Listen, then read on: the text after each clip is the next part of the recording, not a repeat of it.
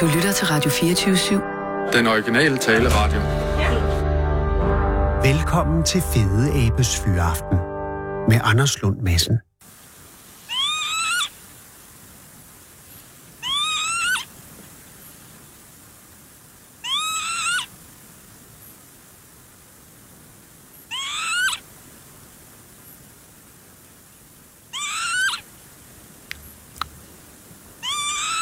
Ja. Jeg synes bare, at vi lige skulle høre den. Det er jo Viben. Eller, det var Viben, for der er stort set ikke flere tilbage. Men kan også høre, den har det sgu ikke særlig godt, den her. Det er jo normalt her midt i februar, at de begynder at komme nede fra Spanien, Frankrig, vinterkvartererne. For at bo i vores lille land og lægge de fire karakteristiske olivengrønne æg, og så foretage den smukke, smukke, lidt fjantede flyvning hen over redanlæggene, og så... Okay, nu skruede Sissel ned for viben, så er det sådan. Tilbage til arbejdet, ring til nogen.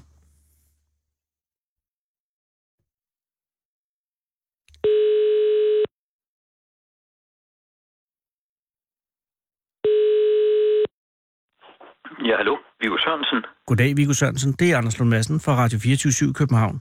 Ja, goddag. Goddag, Viggo. Tak fordi jeg må ringe. Det er helt i orden, ja. Jeg ringer jo, altså, og jeg, jeg, jeg ved jo ikke, er du stadig midt i arbejdet for i dag? Uh, nej, det er jeg sådan set ikke. Jeg er gået hjem. Vi arbejder fra 8 til 4 hårdt hver dag. 8 til 4 alligevel. Og øh, hvorhen foregår arbejdet i, i, i øjeblikket? Det uh, foregår inde i Nobelparken, en del af Aarhus Universitet. Og har det ligget, har, har, det, har dit virke, som du foretager, har det ligget i Nobelparken i alle årene? Nej, nej, nej. Det er flyttet en hel del rundt. Uh, i, uh, da jeg kom til, uh, til uh, Jysk, der boede vi i hovedbygningen, den fine gamle hovedbygning over på uh, Ringgaden. Ah, ja. Og så er det så, er det så er projektet blevet degraderet sådan rent geografisk? Nej, nej, slet ikke. Jeg synes, vi bor meget bedre der, hvor vi bor nu. Ah, vi bor måde. højere op og har en herlig udsigt og sådan noget. Men arkitekturen er jo ikke helt så spektakulær. Nej, det er den ikke. Men, Men uh, indretningen er god. ja, det kunne jeg godt forestille mig, og det er, kan nogle gange er arkitektur svært at indrette. Men Viggo, det du laver nu, øh, Ja. hvor længe har du lavet det? Ja, altså sådan med, øh, med mange afbrydelser og så videre, der har jeg jo været tilknyttet øh, Jysk Ordbog fra 1962. Ja, det er en del år. Ja, det er jo Det er det. 55, snart 56 år. Ja, Og, øh, øh, og det betyder jo også, at du har startet i en meget ung alder. Øh, jeg startede som student, øh, altså efter to år, hvor vi havde taget øh, forprøve, det hed det dengang. Ja. Der øh, var man moden til at blive inviteret med sådan i videnskabelige arbejder, hvis man ellers kunne bestille noget. Ja, hvis man havde et godt øh, renommé. Ja, ja. Og, og, og, Og når man nu interesserede sig meget for en ting, og lærerne sagde god for en, så kunne man få lov til at være student og medarbejder der, og jo altså dermed tjene sig en udmærket lille løn. ja, ja. Så i første omgang var det altså et, øh, et deltidsjob. Det var, det var simpelthen, øh, ja, det var at tjene penge som ung menneske, Og- i stedet for at skulle ned i byen og tjene dem. Og ja, og det kunne på mange måder være meget værd. Men, men Viggo, husker du dit første ord? Nej, det gør jeg godt nok ikke. Det gør du ikke. det gør jeg bestemt ikke. Um, de væltede jo ind. Ja, fordi hvordan får... Altså, den jyske ordbog er jo et projekt, der startes i hvilket år? 1932. Ja. Der, kom, der kommer vores professor Skavtrup øh, som en af, jeg tror, de var fem øh, professorer til det nystartede Aarhus Universitet. Ja. Han var professor i nordiske sprog, og en af de øh, øh, idéer, han bragte med sig, det var at få redigeret en jysk ordbog. Nu skulle det gøres. Der fandtes altså i 32 ingen jysk ordbog. Øh, Jo, det gjorde der faktisk. Det er det pudsige ved det. Uh. Øh, Feilberg øh, ha- havde faktisk lavet en ordbog omkring øh, 1880 og frem til 1918. Men øh, Skavtrup var ikke særlig imponeret af den. Så det var det, man kunne kalde en tjuske ordbog? Bestemt ikke. Det var en fantastisk enmandsordbog, men øh, Skavtrup mente, at han kunne godt gøre det bedre. Ja, og det øh, har han jo også på mange måder demonstreret øh, rigtigheden i. Men, men det vil sige, den, den gamle jyske ordbog var for så vidt jysk nok. Den var bare, øh, altså, det var bare præget af at være et, en mands syn på Ja. det jyske sprog. Ja, det var den, og, og den var jo altså i nogen grad, øh, øh, hvad skal vi sige, geografisk øh, begrænset. Han kunne ikke have kilder alle steder fra. Og kilderne var ikke af lige god kvalitet alle steder fra. Sådan er det jo. Det er klart. Så i 32 starter det projekt, som vi i dag kender som den jyske ordbog, og som vel for eftertiden vil stå som den jyske ordbog, Ja, når, det den kan vi er, roligt når sige. den er komplet til sin tid. For den er ikke komplet endnu, men jeg skal bare lige høre, da du starter i 62, hvor langt er ordbogen så kommet? Øhm, det kan man ikke øh, sige kan man på ikke sige den det, måde, nej. fordi det er jo forskellige faser. Ja. Der er for det første en lang indsamlingsfase. Ja. Og den indsamlingsfase, den går faktisk for øh, Jysk Ordbogs vedkommende sådan lidt overlappende med, at man begynder at planlægge redaktionen, så går indsamlingsfasen faktisk helt frem til 1990. Oh. Og det vil sige, at man aktivt indsamler jyske ord frem til 1990? Ja, det gør man. Og foregår og det gør det man med på mange forskellige måder jo. Ja, undskyld. Man, øh, man tager ud øh, efterhånden, øh, efter krigen, der havde man jo båndoptager. Ja. Der kunne man tage ud og tage ting på bånd fra de forskellige folk. Ældre mennesker, der stadig kunne snakke godt jysk. Ja. Øh, før den tid, der havde man måtte jo og papir med og notere ned med lydskrift. Og det har været kompliceret. Det har været temmelig kompliceret, ja. Og vel også været underlagt en ret øh, altså subjektiv vurdering af, hvor- hvornår lyder et ord egentlig som det, der er skrevet ned? Eller er, findes der regler men for, øh, for den, den vurdering, den skal du foretage i anden omgang alligevel, når du lytter til båndet. Det er selvfølgelig rigtigt, ja. Så, nå, ja, så lad os antage, at øh, der er kommet en, øh, øh, en indsamler øh, hjem med et bånd fra, hvad lad os sige, Fanø, og, Ja. øh, og, og det bånd skal så øh, øh, arkiveres, eller skal det øh, øh, analyseres, eller hvad gør man for at føre disse dialekter ind som en egentlig ord i en ordbog? Øh, man, man, Eller har, siger jo- man alle? har jo lyttet det igennem, og så har man sagt, hvad er der af øh, spændende ord her? Ja. Og hvad der er spændende ord, det er jo til en vis tid lidt afhængigt af, hvad vi havde i forvejen. Præcis. Altså, hvis vi nu forestiller os, at vi havde et utroligt tæt materiale på et bestemt ord fra, hvad skal vi sige, Peter Skavtrups øh, hjemmeegn derude i øh, Vestjylland, ude ved Holstebro, Ja. ja, så vil man jo ikke blive ved med at samle det ord ind derfra. Nej, det er klart. På et eller andet tidspunkt, så siger man, det ord, det har vi. Ja, Ja. ja. nu er det nok, ikke? Ja. Men der ligger vel også, jeg tænker på, der er vel også ord, eller der er grupper af ord, som tiltrækker sig mere interesse end andre. Jeg tænker, øh, altså jeg tænker, substantiver er vel umiddelbart mere sådan, ja, det ved jeg ikke, nu skal der også mange verber, ja. Der er lækre, men Ja. tillægsord måske lidt, ja, det ved jeg ikke, er der, er der, er der nogen form for rangordning i ord, eller er alle ord lige gode? Mm, Ja, de er lige gode. Altså, de er lige meget med til at, at tegne dialekten, Ja. men det er jo rigtigt, de gør jo forskellige ting. Absolut. Altså, de allerfleste substantiver, de karakteriserer jo ganske bestemte genstande eller foreteelser eller sådan noget, ikke? Ja, og der er diversiteten vel også mindre. Øh, nej, den er faktisk ret stor. Nå. For vi må huske på, at øh, altså navnlig når vi ser fra nu-tiden og tilbage, Mm. at øh, det var jo et helt andet samfund dengang. Man foretog sig jo umådelig mange arbejder med umådelig mange redskaber, som vi overhovedet kender i dag mere. Nå, det er klart. Og disse ord er så også på vej ud. Øh, ja, de fleste af dem er der uddøde i dag. Ja. Øh, med, mindre, med mindre de har kunnet følge med og overtage en ny betydning. Jeg har tit tænkt på, at øh, i gamle dage, altså skal vi sige før år 1900, Ja. ja, vi kan også roligt i Jylland sige et godt stykke op i 1900-tallet, Ja. der var en vogn, det var selvfølgelig noget, der blev trukket af heste. Det er klart. Men øh, det er det jo ikke i dag, hvis en jyde snakker om en vogn. Hvis han overhovedet snakker om en vogn, Ja. så er det en, han bestiller hos Ja. ja. Taxa. ja, og det er vel kun de ældre jyder, der gør det. Ja, det er nok først og fremmest dem, det tror jeg. Det var over 50 for at bestille en vogn. Ja, sådan noget. Det, det ja. tror jeg også. Men, men en vogn hedder vel også en vogn øh, i Sønderjylland, ikke? Nej, det hedder mange forskellige steder øh, op igennem Jylland. Det kan hedde en wuen og en vogn og så videre. Oh. Det kan godt variere en hel del. Det kan ovenikøbet få A-lyd nede i Sønderjylland en vogn. Vogn. Ja. Hold da. Det er jo... Det Så, er, altså, jeg, så, så der, er stor, der er stor, hvad skal vi sige, lydelig forskel på de jyske dialekter, eller de gamle jyske dialekter. Og er der nogle dialekter, der er mere øh, volumøse, som har større, øh, altså større blomstring af, af, af ord end andre dialekter? Altså, er, er der mere guf i Sønderjylland, end der er øh, i Himmerland, eller hvordan er det? Eller har de nogenlunde samme volumen? er nogenlunde samme volumen, men der er selvfølgelig altid det ved det, at øh, vores kultur er jo helt op til omkring 1900 mm-hmm. kommet sydfra. Ja. Fra Nordtyskland først og fremmest. Jo. Og det betyder jo, at øh, de sydlige dele af landet, de har været lidt kulturelt øh, førende, hvis vi ikke lige, øh, altså nu ser vi lige bort fra hovedstaden, som selvfølgelig var endnu mere førende. Jo, gud bevares. Ja. Men, men, men, men, men indsamlingen har været nogenlunde konstant op, altså fra, fra 32 og så op til i dag. Ja, det har den. Altså, det har jo selvfølgelig i høj grad været afhængig af, hvad man kunne få af bevillinger, og hvad man kunne få af hjælp fra fagfolk. Jamen, jeg kan forstå, at Carlsberg i en, i en overrække donerede 800 kroner om året.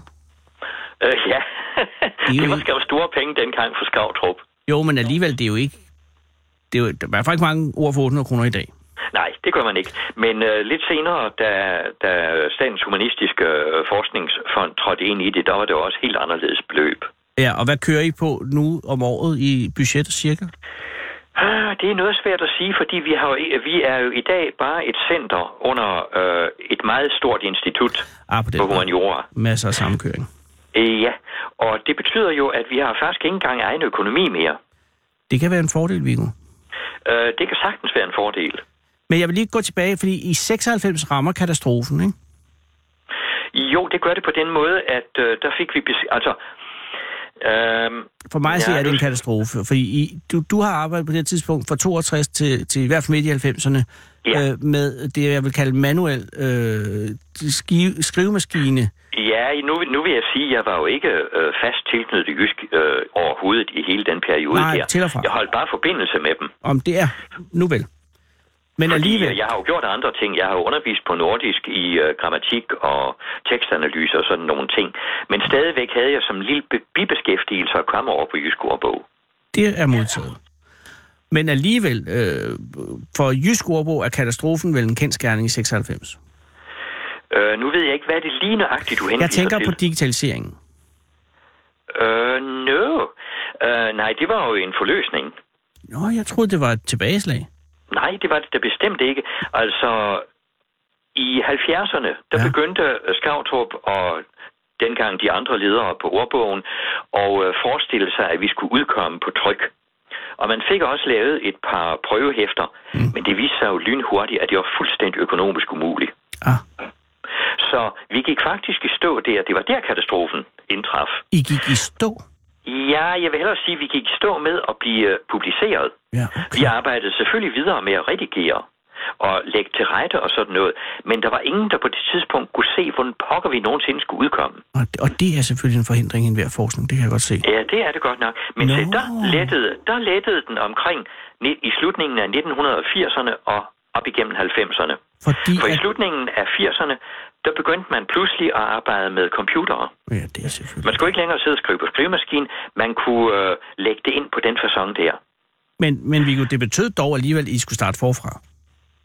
Mm, Altså, I skulle i hvert fald starte forfra med, med alt det, der var skrevet ned. Jo, det er rigtigt. Det, jo, det er rigtigt. Det som, det, som var skrevet ned på maskiner og sådan noget, det skulle selvfølgelig ind en gang til. Og det er må rigtigt. være et kolossalt arbejde, det er det, jeg mener. Det er rigtigt. Og, Og der, det skulle arbejde- også, der, der skulle hjælpemidler til der, ja. Og det arbejde fratager energi fra arbejde med indsamling af nye dialektiske ord. Ja, det er klart. Ja. Og hvor langt er I Altså- nået nu? Vi ligger i slutningen af K. Uh. Og det lyder ikke så gevaldigt meget, Ah, men det er, alligevel, det er alligevel 46 procent af ordbogen. Jeg, ved, jeg har engang skrevet en ordbog over ting, der ikke findes ord for, og der kan jeg huske K som et af de helt store bogstaver. Det er det faktisk også. Det undrede os. Vi uh, talte op på det her forleden dag, for vi kunne ikke forstå, at vi ikke kunne komme ud af det K. Nej, men jeg havde Og- det på samme måde. Det er et Ja, og, vanvittigt... og, og så viser det sig, at, øh, at, at øh, ordmassen med K optager 10 procent af hele ordbogen. Hvilket man ikke tænker på. Altså, man tænker Kalumborg og, og kød, og så er vi at være der, ikke? Men der er masser af ord. Ja, det, det er alle de der forlydsforbindelser. K, J, K, R, Præcis. K, L, Og det er jeg nødt til at sige til dig, og og så videre. Viggo, det, er- det kan godt forekomme som et slag i hovedet, men L er om muligt næsten endnu længere. Mm, ikke hos os. Det er jeg helt det sikker på. Jamen, det det, jeg kørte jo også, jeg, undskyld, jeg kører efter Volapyk, altså det gamle tyske kunstsprog, Volapyk.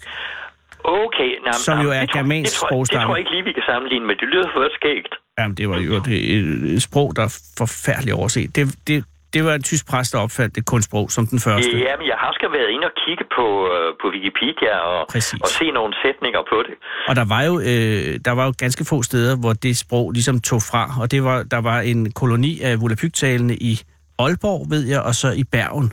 Øh, det var Ja. de to store steder, hvor man egentlig talte Volapyk, nogle Volapyk-selskaber. Ja. Men det var simpelthen et meget grimt sprog, det var det. Ja, det er det. det altså, jeg vil nærmest sammenligne det med tyrkisk. Præcis. Der siger vi det undskyld til de tyrkiske lyttere. Men det er ikke noget kønssprog. Du har fuldstændig ret. Uh, jeg lærte Esperanto som ganske ung menneske. Og jamen, det har en helt anden øh, klang over sig. Ja, Og interlingua synes jeg virker poppet, men sådan er jeg. ja, okay. Enig. Men, men, men Viggo, I er i slutningen af K, Ja, og du er hvor gammel nu? 76. Ra- håber, kom. Det er min eneste frygt, jeg tror, du, du kommer, til, kommer du til at se slutningen af dette værk. Nej, det gør jeg ikke. Nej, fordi der, er, jeg ikke, der fordi kan jo der er- godt ligge en 40 år i. Altså, al- altså, hvor optimistiske end er, så er der 30 års arbejde tilbage. Det er forbasket, men det er også på en eller anden måde meget, meget smukt at have øh, været en del af et projekt, der er så langt, Ja, at det er længere er det jo. Altså, sådan er det jo overalt i, altså, overalt i videnskab, der er øh, forskerne jo lykkelige for at befinde sig inden for en forskningstradition og bidrage til den. Fuldstændig rigtigt. Det er jo Men- fælles hele vejen igennem. Men det er jo det, at erkende, at stoffet er større end en selv. Det er ikke alle, der kan det.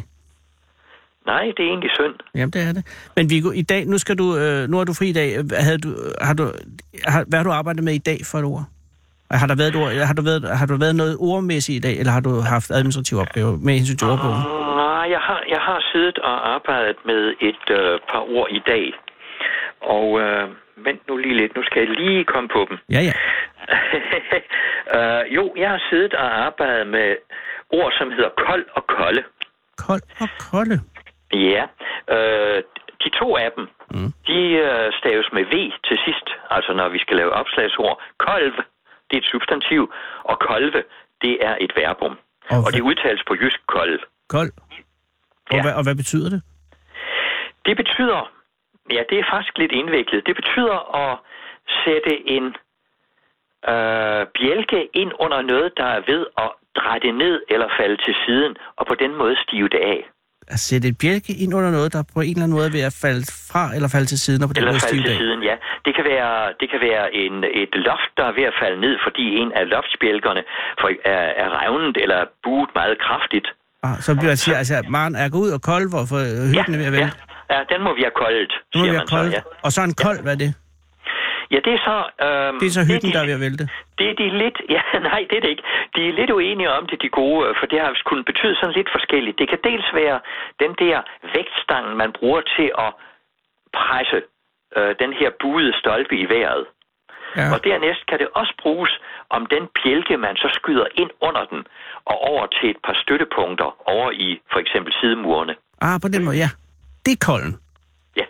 Og når man har gjort den ting der, fået den der støttebjælke ind, så er man koldt op. Ja.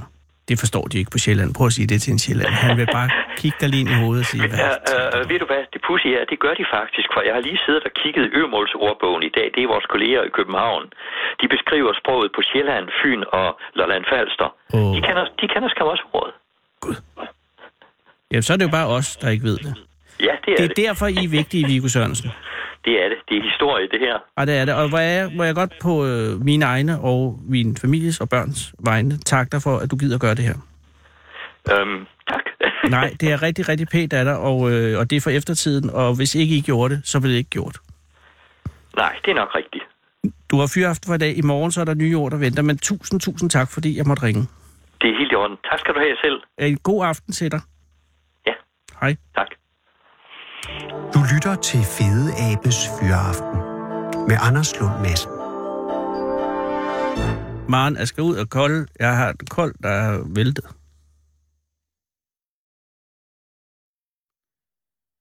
Nu er Viben død, kan man høre, fordi den er her ikke længere. Kære lytter, det er i dag den 7.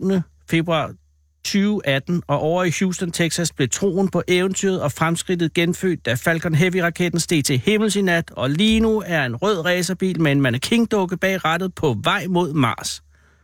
Om et år eller halvandet år flyver de første mennesker rundt om månen i 45 år, og senere rejser de, altså nogle andre, men også til Mars. Og da jeg så de to løfteraketter vende tilbage til jorden og lande side om side på hver deres lille runde landingsplads, så græd jeg sgu næsten.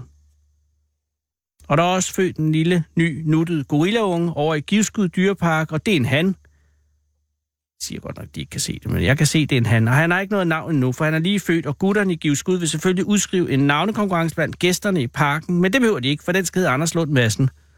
Og så kommer jeg over hvert eneste år på Anders Lund Madsens fødselsdag, som jeg altså må have været i går, og tilbringer dagen sammen med ham. Og det bliver mega hyggeligt og også spændende, når Anders Lund Madsen vokser til og kommer i lømmelalderen, for vil han rive hovedet af mig lige pludselig, fordi jeg foretager en forkert bevægelse, eller kan vores forhold klare gnidningerne, og det er en stensikker publikumssucces. Og i øvrigt er jeg allerede Goodwill-ambassadør for Danmarks Akvarium, og til dels også for Randers Regnskov, fordi jeg engang fløj en flok afrikanske salamander over til dem.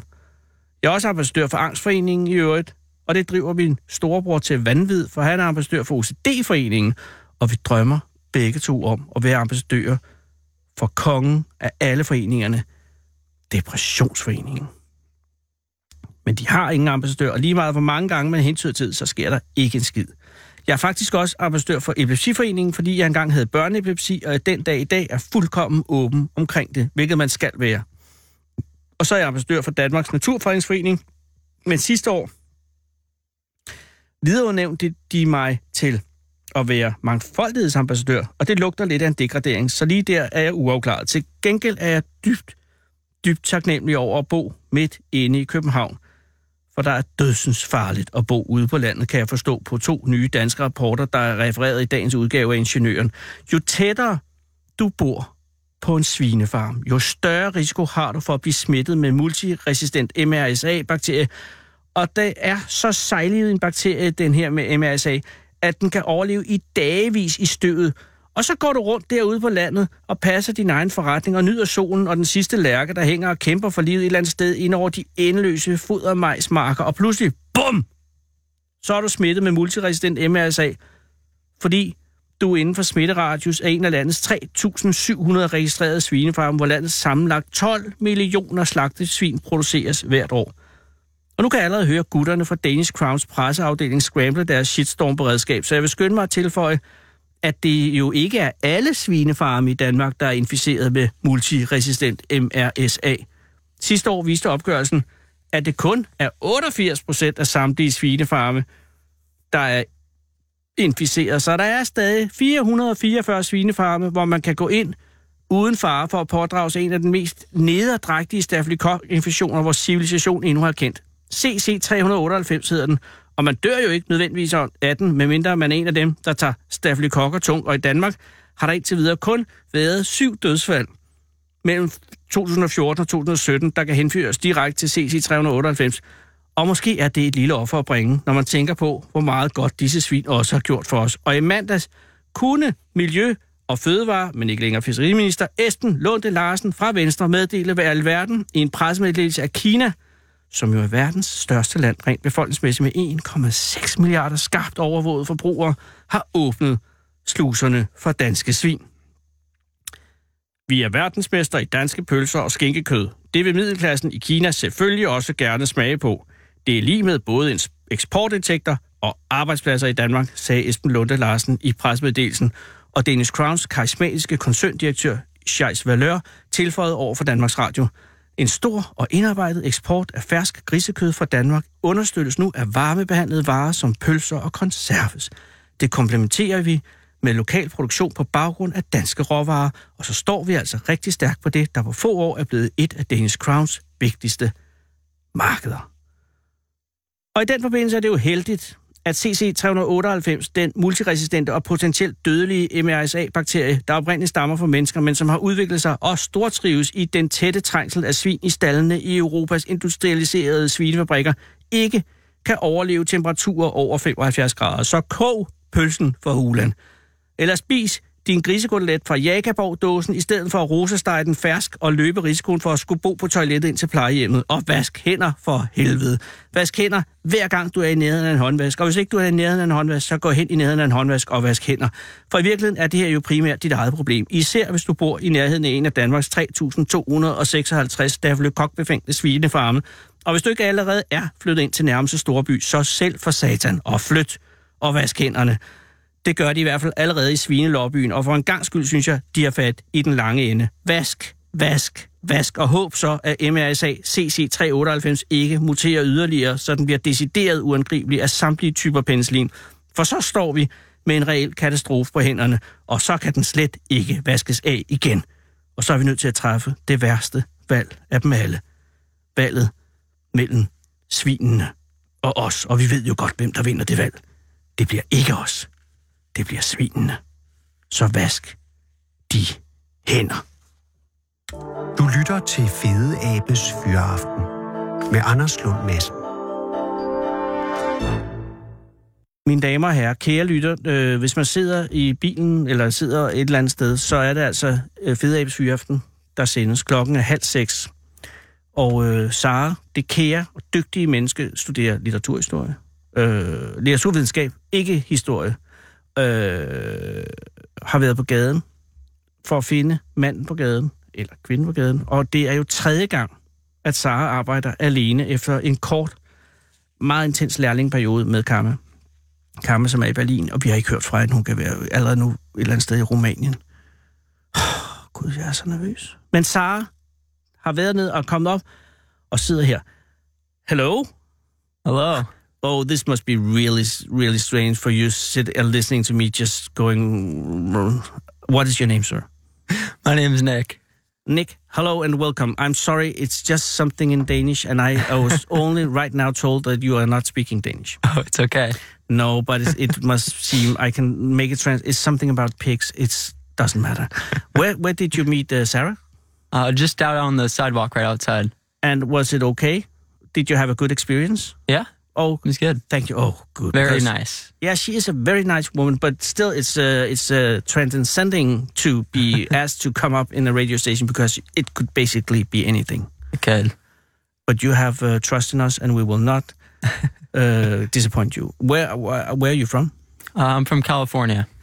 So uh, you have traveled to Denmark by uh, by means of uh, wish, or is or why why are you here?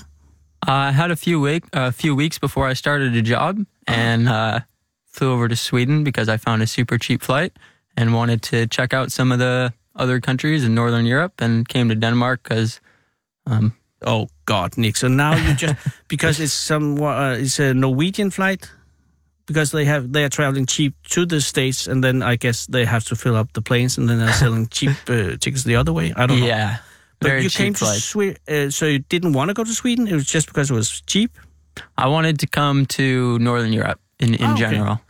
uh, and you chose the dark month because that's you have far too much sun in uh, California. Yeah, the sun is very nice, but it's nice to get a break from it as well. Yeah. See something else. And sure, you are seeing something else now. My daughter has just arrived in Los Angeles, so Oh, she's right? uh, looking out for you over there now. Uh, How was Sweden? It was beautiful. I just went to Stockholm. I was only there for a couple of nights, but it was really, really nice. Um, someday I'd like to go up to the northern parts and see some more of the mountains and the snow. Did you do that? I did not. No, I didn't do that this time, but It's someday. very far. very far. Yeah, that's why I didn't go. I can understand that because it's also very expensive to go up there. yeah, exactly. Did you go to Norway? Did not go to Norway either. It's another thing that I'd like to do, but Still. you know, No. can't do everything. No. How did you get from uh, Stockholm to here? Um, I actually took a flight to Amsterdam, Well, that's a good way to do and it. And then I took a bus to here. ah, okay. So you uh, went to Amsterdam. How was that? Amsterdam was pretty. Yeah. It's a really cool city to walk around in. I think. And this is so. This will be the third stop on your voyage. Yeah, that's right. And where are you going next? Um, I'm gonna be here for a few more days, and then I'm gonna go to Stockholm just for a night, just for a night because that's where I fly out of, Ah, okay. and then I fly back to San Francisco on the 12th. To start working uh, in what? Uh, um, marketing analytics. Oh, is that good?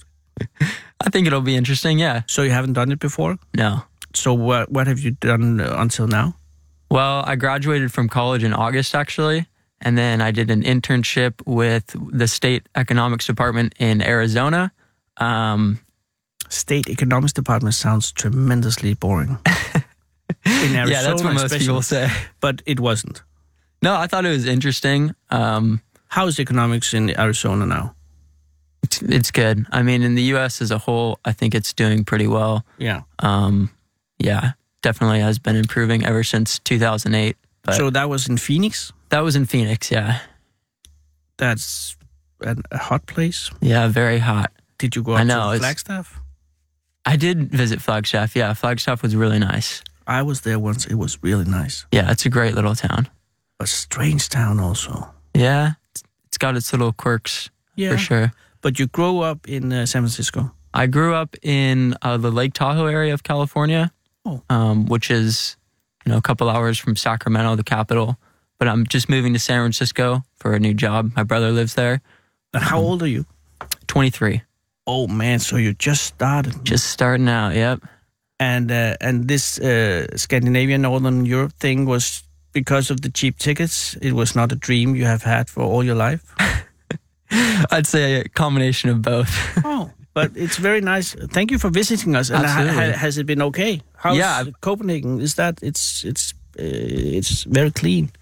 yeah, I really like it. Um, Do you? and I was, I do, and I've, I've always actually been really intrigued by Denmark just because of the social system. Yeah. I think, um, I just really love like how you guys put a put an emphasis on low income inequality on all, all those types of things. Yeah. Um, so it's really cool to come here and just be a part of the city for a little while. but does it look like uh, it's working? yeah, well, I, it is working, but does it look like yeah, this is how you you should do societies? Um, Oh, you've been here for two days. How? Yeah, that's a tell? hard question to Yeah, I- answer. I know. but still, it just looks like a city. Uh, have you That's met any people? I met some people in the hostel that I was staying at, which is always fun. Mm-hmm. Um, but they were they are mostly foreigners they- also. Yeah, right. Haven't met a whole lot of locals, but you are one of the first ones. I am a local. It's uh, it's uh, Denmark. It's a fine country. We have our troubles with the pig, uh, some uh, bacteria in the pig farms. Okay. Uh, they are resistant to uh, penicillin. So if you get them, you it's hard getting rid of them again, and then you have to stay in the toilet for a long time. That's it. That's not fun. Apart from that, no problems. I think if that's your worst issue, then you're probably doing I pretty think it well. is. I think it is. I'm just thinking now. No, it's it's uh, it's fine because they the, it, it's a remarkable country because we have no. Uh, I have no idea why we are so uh, wealthy because there's nothing in the ground. And there's not, and the weather is obviously shit. So it's not. There's nothing. It's not like Yeah. the natural wonders or anything. So it's just hard work for not us, mind you, but the people who were before us. The, Right. A hundred years ago, they have worked all the time, and then they just said, "No, we're going to make this country uh, good," and then they made it, and that's uh, remarkable. I don't Yeah, have is. any idea how they did it, because there's nothing here. It's just sand, you know, a bit of dirt, and then Right. uh, you, if you hi- heighten the water level f- ten meters, it's gone. No, not, but basically, there's some parts of Jutland. Have you only been to Copenhagen? Yeah, I actually have. Um, Have you any plans of going anywhere else before you're going to Stockholm? I'm definitely open to recommendations, Hmm. but it would it would have to be relatively Yeah, close. uh, and it has to be cheap. uh, damn. What? When are you going back? the 12th? Uh, oh, so you have five days. Yeah. Oh, then we can find something. What? What? Cecil and uh, yeah, have you been to Christiania? No, I haven't. Never go there. no, no, yeah. I don't know. You should. I should. You should probably try to go there. It's. Yeah. But now you're living in uh, San Francisco, so and and they just legalized uh, cannabis now, right? They did. Yeah. So that's it. That's what we have. Okay. because they have this uh, the free town of Christiania, which is a famous uh, part of the town. It was uh, founded in '73. It was uh, an old army base that was abandoned. Then some hippies went in and, and took the buildings, and now it's uh, a place for very uh, rich uh, old uh, hippies uh, who don't want anybody else to come and take their buildings. And so they have this uh, trade of uh, hash and, and things, which was famous. But now you have taken that market totally. Uh, we stole your thunder. you Stole our thunder. Still, have you experienced uh, the legalization of cannabis in uh, California? Has it changed anything? Uh, I would say it's hasn't changed much. But is it like? I think people smoked it anyways, to be honest. yeah, they did. But now it's like, uh, do they have in the malls uh, cannabis shop and stuff? Um, I haven't seen anything like that. I don't. Yeah, there's definitely still a lot of regulation on it. Ah, so Um, you you I have to have some kind of a permit. Yeah, in California, I don't think you're really allowed to have shops and sell in shops yet, but they have that sort of thing in Colorado. And in Canada, they're totally Canada. legalizing it in summer. Yeah. So now it's going crazy. When you go back, you're going to take this job and then you're going to settle down, or do you want to travel more? Well, I will probably settle down for at least a little while Mhm. um, with my job, but you know, definitely want to travel a lot in the future. I don't, I don't know when. You know, once you get into a job, it makes it a little bit harder. Yeah, that's it. Because you're 23 now, and now you can do anything. But uh, certain uh, it can change, and then you get a, a girlfriend, and then maybe uh, you have to uh, stay, and then you get children, and then you have a mortgage. and are you are slippery you slope. are you are you looking forward to your life? Oh, absolutely. And uh, uh, when and uh, your parents, what are they doing? My parents, my dad actually just retired. He Oh. was um, doing landscaping, um, So he was like a uh, an architect or a gardener. um, gardener. Oh, okay. Yeah, he mowed people's lawns, took care of their garden. Um, he retired from that, and now he's actually in Mexico, enjoying his retirement a little But bit. But he must have an early retirement, or else he was an old dad. He was an old dad. Oh, okay. What about he's your mom? 60 now. Oh, but still, it's early. It is, yeah. So he's gone to Mexico. He's in Mexico, yeah. I think it's a little bit warmer there than here. It must be. And and what about your mother? She's gone with him. My mom is actually went with him for a week or two. He's staying a little bit longer, um, but she's home. I can- a substitute teacher. Ah, okay. So she's still working. Yes, And and uh, uh, and uh, have you any brothers and sisters? I have a brother. He's in San Francisco. I'll be um, living just about a mile away from him. Oh, so you're the kid brother. That's yeah. I'm the youngest. Uh, so what's he doing? He does sales um, for just a technology company in San Francisco, And- um, which to me isn't very exciting, but he's really good at it. So So he, he's making a lot of money. yeah. And has he got a family?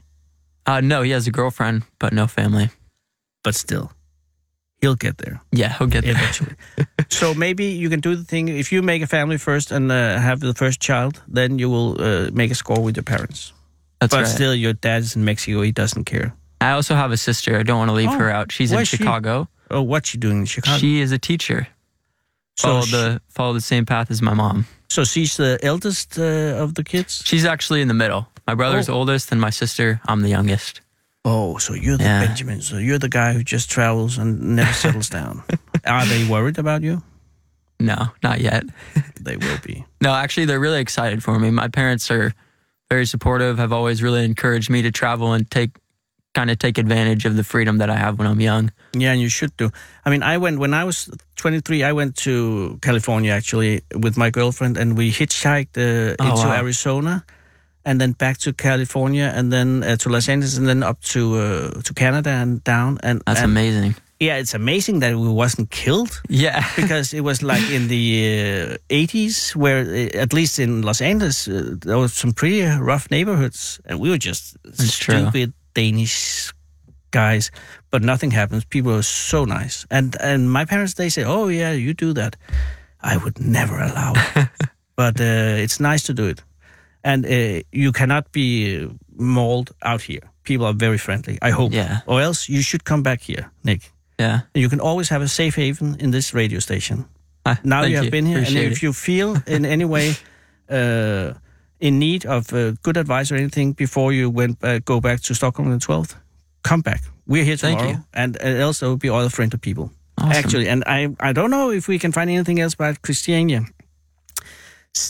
Sissel ha- and, and Sarah has made a list for you of the places to go. Perfect. Thank you. Yeah, well, thank you for coming and visiting us. Yeah, thank thanks you for having me. and and when you go back, uh, please tell them that we are okay. Sounds good. Thank you. Have Thank a you. Good. What are you going to do uh, tonight? Um, eat some dinner first. Yeah, at a uh, Stay restaurant. warm. Uh, so, have you any anywhere to live? Are you homeless now? no, You have the hostel. I have the hostel. Yeah. Thank God. And have you money for food? Yes. Can we give this gentleman a taxi? he shall have a taxi. I don't know why, but you shall have something from this radio. Thank you very much, Nick. Thank you. Come back when you are uh, back in Europe. Awesome. Thank you so much. Have a nice evening. Goodbye. I will now push a button. Du lytter til Fede Abes Fyraften med Anders Lund Madsen. And while Nick is exiting the studio, og det jeg sagde på engelsk var, mens Nick forlader studiet, har jeg ved, og det har ikke været nogen, ej jo, det har det faktisk, men det er en fantastisk øh, nyhed, der er sivet fra vest, det vestlige Danmark, vil jeg nok kunne kalde det. Det er Vedersø. Jeg nævnte det ganske sporadisk i går, fordi vi ikke nåede det i går, men det er ikke noget, de kan lytte skal snydes for. Badehotellet i Vedersø er gået konkurs igen. Men der er allerede nu nye unge kræfter på vej. Sissel, er du sød at ringe op, hvis du er færdig med listen til Nick. Nicks list. Tænk, hvis han hedder Craig. Så kunne han have fået Craigs list. En lille vidighed for de engelskkyndige. Du taler med Daniel. God dag, Daniel. Det er Anders Lund Madsen fra Radio 24 København. Pæn goddag, Anders. Lund Madsen. Daniel, har jeg ringet til Vedersø Klithotel? Du har ringet til øh, min private telefon, men jo, det er mig ikke. Nej? Men jeg tænker bare, er du på hotellet lige nu? Ja, det er Fortæl, altså, det er jo, øh, det er jo gode nyheder. Men, altså, Det, men, men, men er en, i. en trist, øh, en trist øh, rulle af dårlige nyheder, fordi at øh, Vedersø Badehotel har ikke haft det godt længe. Det er korrekt. Øh, hvor, hvor, øh, hvornår, altså det gik konkurs første gang i, i, for øh, lidt godt 10 år siden, ikke? Jo, Og så, har, og så har der været forskellige inde at prøve at få det op at stå igen, og så øh, er det gået godt noget tid, og så er det røget ned igen. Og så her i sidste uge, kan jeg forstå, at der var et svensk par, som mm. Gav op øh, som forpagter. Præcis. Hvordan, Daniel, øh, dig og, di, og dine to øh, kolleger, hvordan har I øh, modet til at, at gå ind i det her? Ja. Jamen, øh, det, det, det, kan, kan man komme med en lang øh, spøjs filosofisk udredning på, Jamen, jeg tænker bare, hvordan, hvordan, hvordan tør I? har mod. Jamen, jamen nej, jeg vil ikke det principielle øh, aspekter mod. Jamen, den tager vi en anden gang. Men jeg tænker bare konkret, hvordan har I turet det her? Jamen, det er egentlig meget nemt øh, i den forstand, at vi har længe pynset på at ville starte op selv. Ja.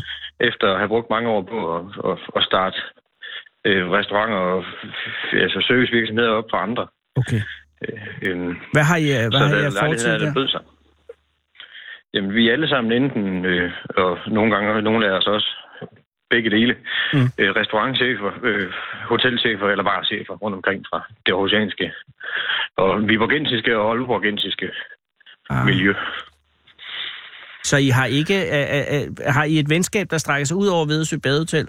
Eller ja, har I mødt vi. hinanden omkring det her projekt? Nej, vi har kendt hinanden i nogle år. Okay. Øhm, den hvem- ene, det, det er to brødre. Ah, Øhm, og øh, ham og jeg, vi mødte hinanden gennem musikken, for vi spiller begge to. og hvad spiller I? Øhm, han spiller guitar, og jeg spiller bas.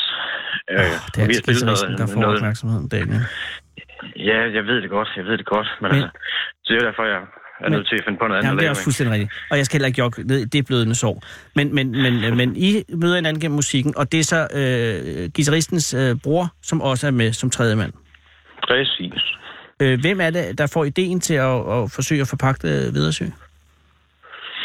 Mm, jamen, det er egentlig sådan lidt spøjs omstændigheder, fordi det er gennem en, øh, en, øh, en af deres øh, lidt ældre kammerater, som har nogle, nogle gode kontakter til nogle fine lag, Ja. som øh, blev spurgt, om ikke han kendte nogen, der Ah. var interesseret i at forpagte et, et, et badehotel herude på Vestkysten. Ja.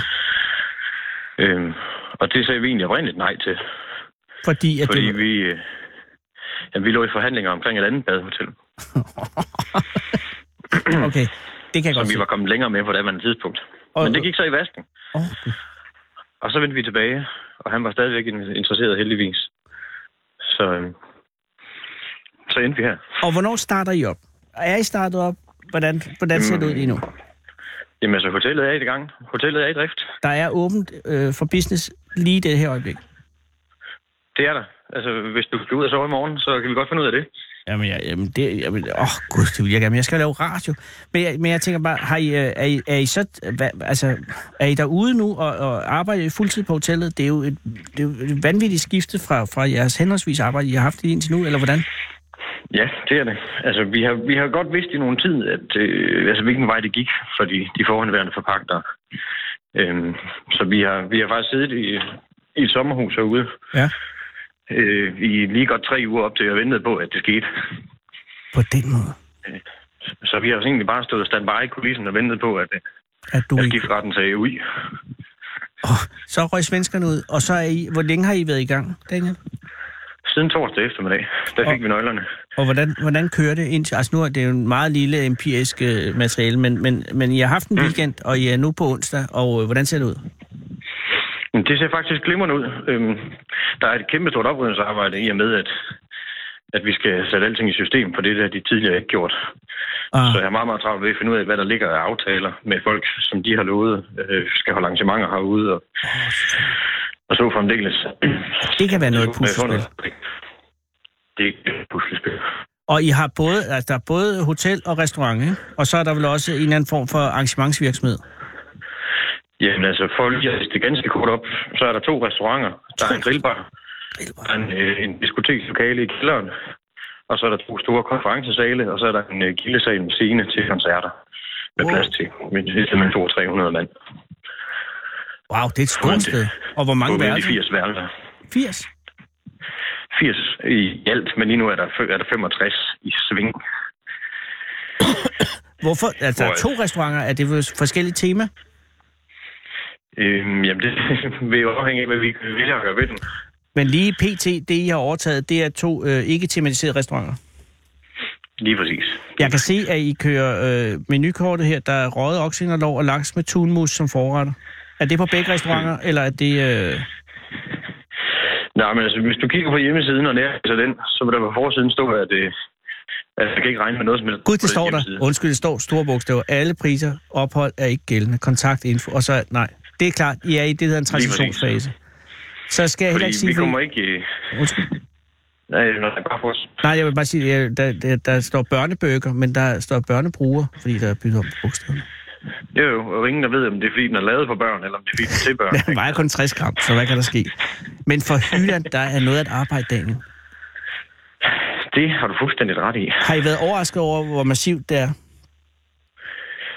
Mm, ja, jo, ja. Nu skal jeg ikke øh, prøve at spille superhelt. Nej, nej, men, jo, men altså- det, det må bare være en overvældende ting at stå med. Jamen, det er det. Altså, man kan sige, at altså, hvis du først lærer at køre på cykel, ikke, eller Ja. har lært at køre bil, hvis du først har kørt et badehotel før, jamen, så at sætte sig i et nyt badehotel, det er bare lige at finde koblingspunktet, og så Ja, ja. kører det, ikke? Det er først badehotel, Det er det så sværeste. mange, altså mange ting, der er ude, det er jo ting, vi har gjort før. Vi arbejder Okay. meget med. Ja. Øh, bare lige finde, finde ud af, hvordan det fungerer her. Og lige snart man lige har drejet den, så kører det en derud af. Det her det er bare meget, meget større. Ikke? Det er klart. Og hvad er jeres, altså, hvad, hvordan er jeres indbyrdes Altså, øh, tager I jer alle sammen af det hele, eller har I, har I, nogen har restauranter, nogen har ophold, nogen har arrangement, eller hvad gør I? Jamen, vi er nødt til at dele det op, fordi Ja. der er kun så, så mange timer i døgnet, og vi har kun de hænder, vi har. Ja. Øh, og vi kan ikke gå og kigge hinanden over skulderen hele tiden. Øh, der er meget at lave til, at vi kan øh, gøre alting sammen. Ikke?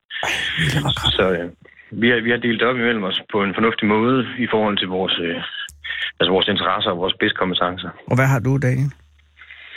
Jamen, jeg er det, vi kalder for servicechef. I den forstand, at, at det er, er, er alt, der har den service, som gæster oplever at gøre. Så det er egentlig lidt en paraply for både housekeeping og reception og restaurant lige Ja. nu. I hvert fald. Så du er også, øh, du er ved at søge badehotels ansigt ud til lige nu? Det er dig, sådan man møder, når man kommer. øh, Ja, det er det. Mig, der sidder i receptionen. Altså, det er, jeg, jeg, jeg, jeg, jeg føler mig, jeg, jeg ved, I gør det, og det er også sjovt, men jeg tænker, fordi jeg, jeg havde engang en kæreste, hvis forældre købte et, et hotel, og det havde været deres store drøm, og der var nemlig også en restaurant, og der var en bodega, og så var der noget mm. hotel, ikke? Og det var i Tølløse. Jo. Og, jeg har aldrig i hele mit liv set mennesker arbejde så meget. Det var, det var altid, hele tiden, fordi at det var, også, det, det var sådan et gammelt hotel, og, og lidt træt hotel. Det er senere brændt ned, men altså, ja. øh, der var altid et eller andet, der var gået i stykker, eller et eller andet, der ikke virkede. Og så for at få det til at hænge sammen, så havde de jo også nogle øh, bingo-arrangementer. Mm. Onsdag og lørdag, hvis jeg husker, ikke? Og det, var, jo- det gik jo helt amok, fordi der var vanvittigt mange, der ville til bingo. Og, og det krævede, altså, et, et, et arbejds... Det var helt... Altså, jeg har aldrig set noget lignende. De var, de var sindssygt stressede, fordi at det var så meget arbejde. Og det er jo det, I står med lige nu, og, og skal her til at, at manøvrere i, så jeg kan virkelig øh, være imponeret over, at I har taget det på jer. Altså, vi har heldigvis lidt flere om det. Det er Ja, jeg en af de ting, der gør, at det kan lade sig gøre. Ikke? Men alligevel, det er jer, der står med øh, ansvaret. Det er, det er rigtigt. Og, tænk, altså, og der må ikke komme flere konkurser. Nej, men altså, jeg har øh, helt klare planer om, at det her det er den sidste for, øh, for lang, lang tid. Ja. Eller, det ved jeg ikke. Nu må vi se, hvor lang tid vi, vi giver det, men altså, vi går ikke konkurs. Nej, og, det, og, det, og Det der ved jeg ikke. øh, Det ved jeg ikke, hvordan man det har aldrig prøvet før. lad være at efterforske den del af det. Men, men lige nu er der, øh, og er der øh, folk i værelserne. Det er jo i den grad ude for sæsonen. Det er det. Øhm, men der er faktisk stadigvæk lidt. Nå. Her hen over weekenden, der vi har omkring bedste fra torsdag til søndag. Ja, og hvad med er vinterferie? Er der vinterferie næste uge også øh, i Jylland? Øh, det, det, det er meget bekendt, ja. Okay, så der kommer måske også noget? Nej, som det sidder nu, så er der ikke særlig mange reservationer. Nej, men Dan, nu har I været i radio, så nu eksploderer det. Prøv lige, hvad, er der, hvad sker der i Vedersø næste uge? Jamen, øh, der er jo Springfield Hotel, kan du høre. Nå, men er der nogen, jeg tænker, er der nogen, er der nogen, øh, øh, er der nogen begivenheder i, i lokalområdet sådan lige her i næste uge? Er der noget østers, et eller andet? øh, konkurrence i, i, i Østerskast. Øh, nej, ikke. Jamen, det er sgu også uden for sæsonen. Det er, øh, man, tager, man tager til Vedersø badehotel den her tid, hvis man godt vil have noget fred og ro og en, og en smuk udsigt og en tur langs stranden måske. Lige præcis. Ja. Ej, øh, jeg vil ønske jer alt muligt held og lykke. Det er meget spændende, om det går godt. Øh, selvfølgelig går det godt, men hvor, hvor, hvor meget øh, bøvl I får, før at det bliver øh, bare nemt og sjovt. Hmm. Jo, men altså, bare nemt og sjovt. Der er ikke noget, der er bare og sjovt, man gør det her. Øh, Jo, gøre det for til, kaste til Sankt. Hans, ikke? Når det er Sankt Hans aften, og øh, bålet er, er anrettet nede på stranden, hotellet er fuldt, og den der børnebøger er taget menukortet, og, øh, og, og, og alle står oppe øh, på deres balkonger, eller hvad man gør på Vedersø, og så du går ned og, og tænder øh, bålet, og de synger midsommervisen, så er det sjovt at være hotelejer. Forpagt. Jo, jo, jo, jo, jo, jo, jo. Jeg vil godt snakke om det. Altså, når vi sidder oppe i værelset med måden, og vinen og så er det, så det da rimelig fedt, ikke? Lige præcis. Ja, det er det, du skal se frem til lige nu, fordi nu er vi i februar, og alting ligner lort i februar. Ja. Nej, men øh, vil du ikke hilse de to brødre og sige øh, held og lykke også til dem øh, fra, fra mig og også herinde? Jo. Vi sidder Meget i gerne. vores varme, varme studie, og der er ikke nogen øh, kedler, der går ned, og der er ikke nogen, der råber og vil have noget mad op på værelset og sådan noget. Vi har det nemme liv. I har det hårde liv. Det kan, sådan kan man se på det. Vi har valgt det selv. I har. Hvad skal du lave i aften? Der skal jeg servere aftensmad for nogle håndværkere, vi har boende. Oh, og hvad, har, Og noget- hvad er dagens ret? Øh, jamen altså, øh, Nick, som øh, laver maden lige nu, den ældste af brødrene, han, øh, han er lige kommet hjem fra, fra Netto i Ulfborg, så det kommer an på, hvad han har fået fanget derude. Det kan ikke gå galt. Det tror jeg ikke. Ha' en god aften, Daniel, og tak fordi jeg måtte ringe. Jamen, velkommen. Hej. Hej igen. Du lytter til Fede Abes Fyraften med Anders Lund Madsen. Det kan ikke gå galt med det badehotel. Viben er død. Næsten. Og desværre er Jørgen Troels også død. Vi læser mindeordene med overskriften Jørgen Troels var virtuos på en sav. Ingeniør Jørgen Troels Pedersen Odense er død få måneder før han ville være fyldt 80 år. Jørgen Troels var født som nummer tre af en søskende flok på fem, og familien boede i Dalum, hvor han fik præliminær eksamen fra Dalum Centralskole. Han blev tidligt engageret i FDF, og det kan sige, det er en spejderorganisation, og knyttede her venskaber for livet. Som dreng og ung mand viste Jørgen Troels stor interesse for teknik og biler, og det var derfor helt naturligt, at han fik en uddannelse som maskinarbejder fra Odense Maskinfabrik, og senere en uddannelse som produktionsingeniør for Odense Teknikum. Sin karriere startede han som bilsælger for Saab på Østerbro i København. Elsker Saab hvorefter han vendte hjem til Fyn til en stilling som ingeniør hos Trige. Det er som ja. Derefter fik han ansættelse som salgsingeniør og for trykluftsværktøjer ved svenske Atlas Copco med Fyn og Sønderjylland som distrikt. I 27 år betjente Jørgen Troels sin kundekreds, som han fik et tæt forhold til. Det lykkedes ham ikke sjældent at overtage det gamle værktøj, når en kunde havde købt nyt, og han fik efterhånden en samling, som han i stand satte og senere overdrog til firmaets museum i Stockholm. Jørgen Troels var gift med Alice i 55 lykkelige år. De to nåede at holde guldbryllup, som blev fejret sammen med deres to døtre og en stor kreds af familie og venner. Jørgen Troels var et udpræget familiemenneske, der nød samværet med ikke mindst børnebørnene, og det var ham en særlig glæde, når han kunne lære fra sig med baggrund i sine interesser og uddannelse. Han var langt op i årene stadig en god håndværker, der kunne fremstille en trampolin i en ethjulet cykel eller andet børnene og børnebørnene kunne anvende. Fritiden efter pensioneringen blev brugt på ture med campingvognen og medlemskab af Nymarkens Harmonikaklub, hvor Alice spillede harmonika, og han virtuos på sav. Han knyttede mange venskaber, og selvom Jørgen på et tidspunkt blev ramt af en alvorlig sygdom og tiltagende svaghed, besvarede han sit intellekt og fulgte med i familien og omgivelsernes gørne og lade. Vi er mange, der vil savne Jørgen Troels, og vi sender varme tanker til hans nærmeste. Klokken er 18.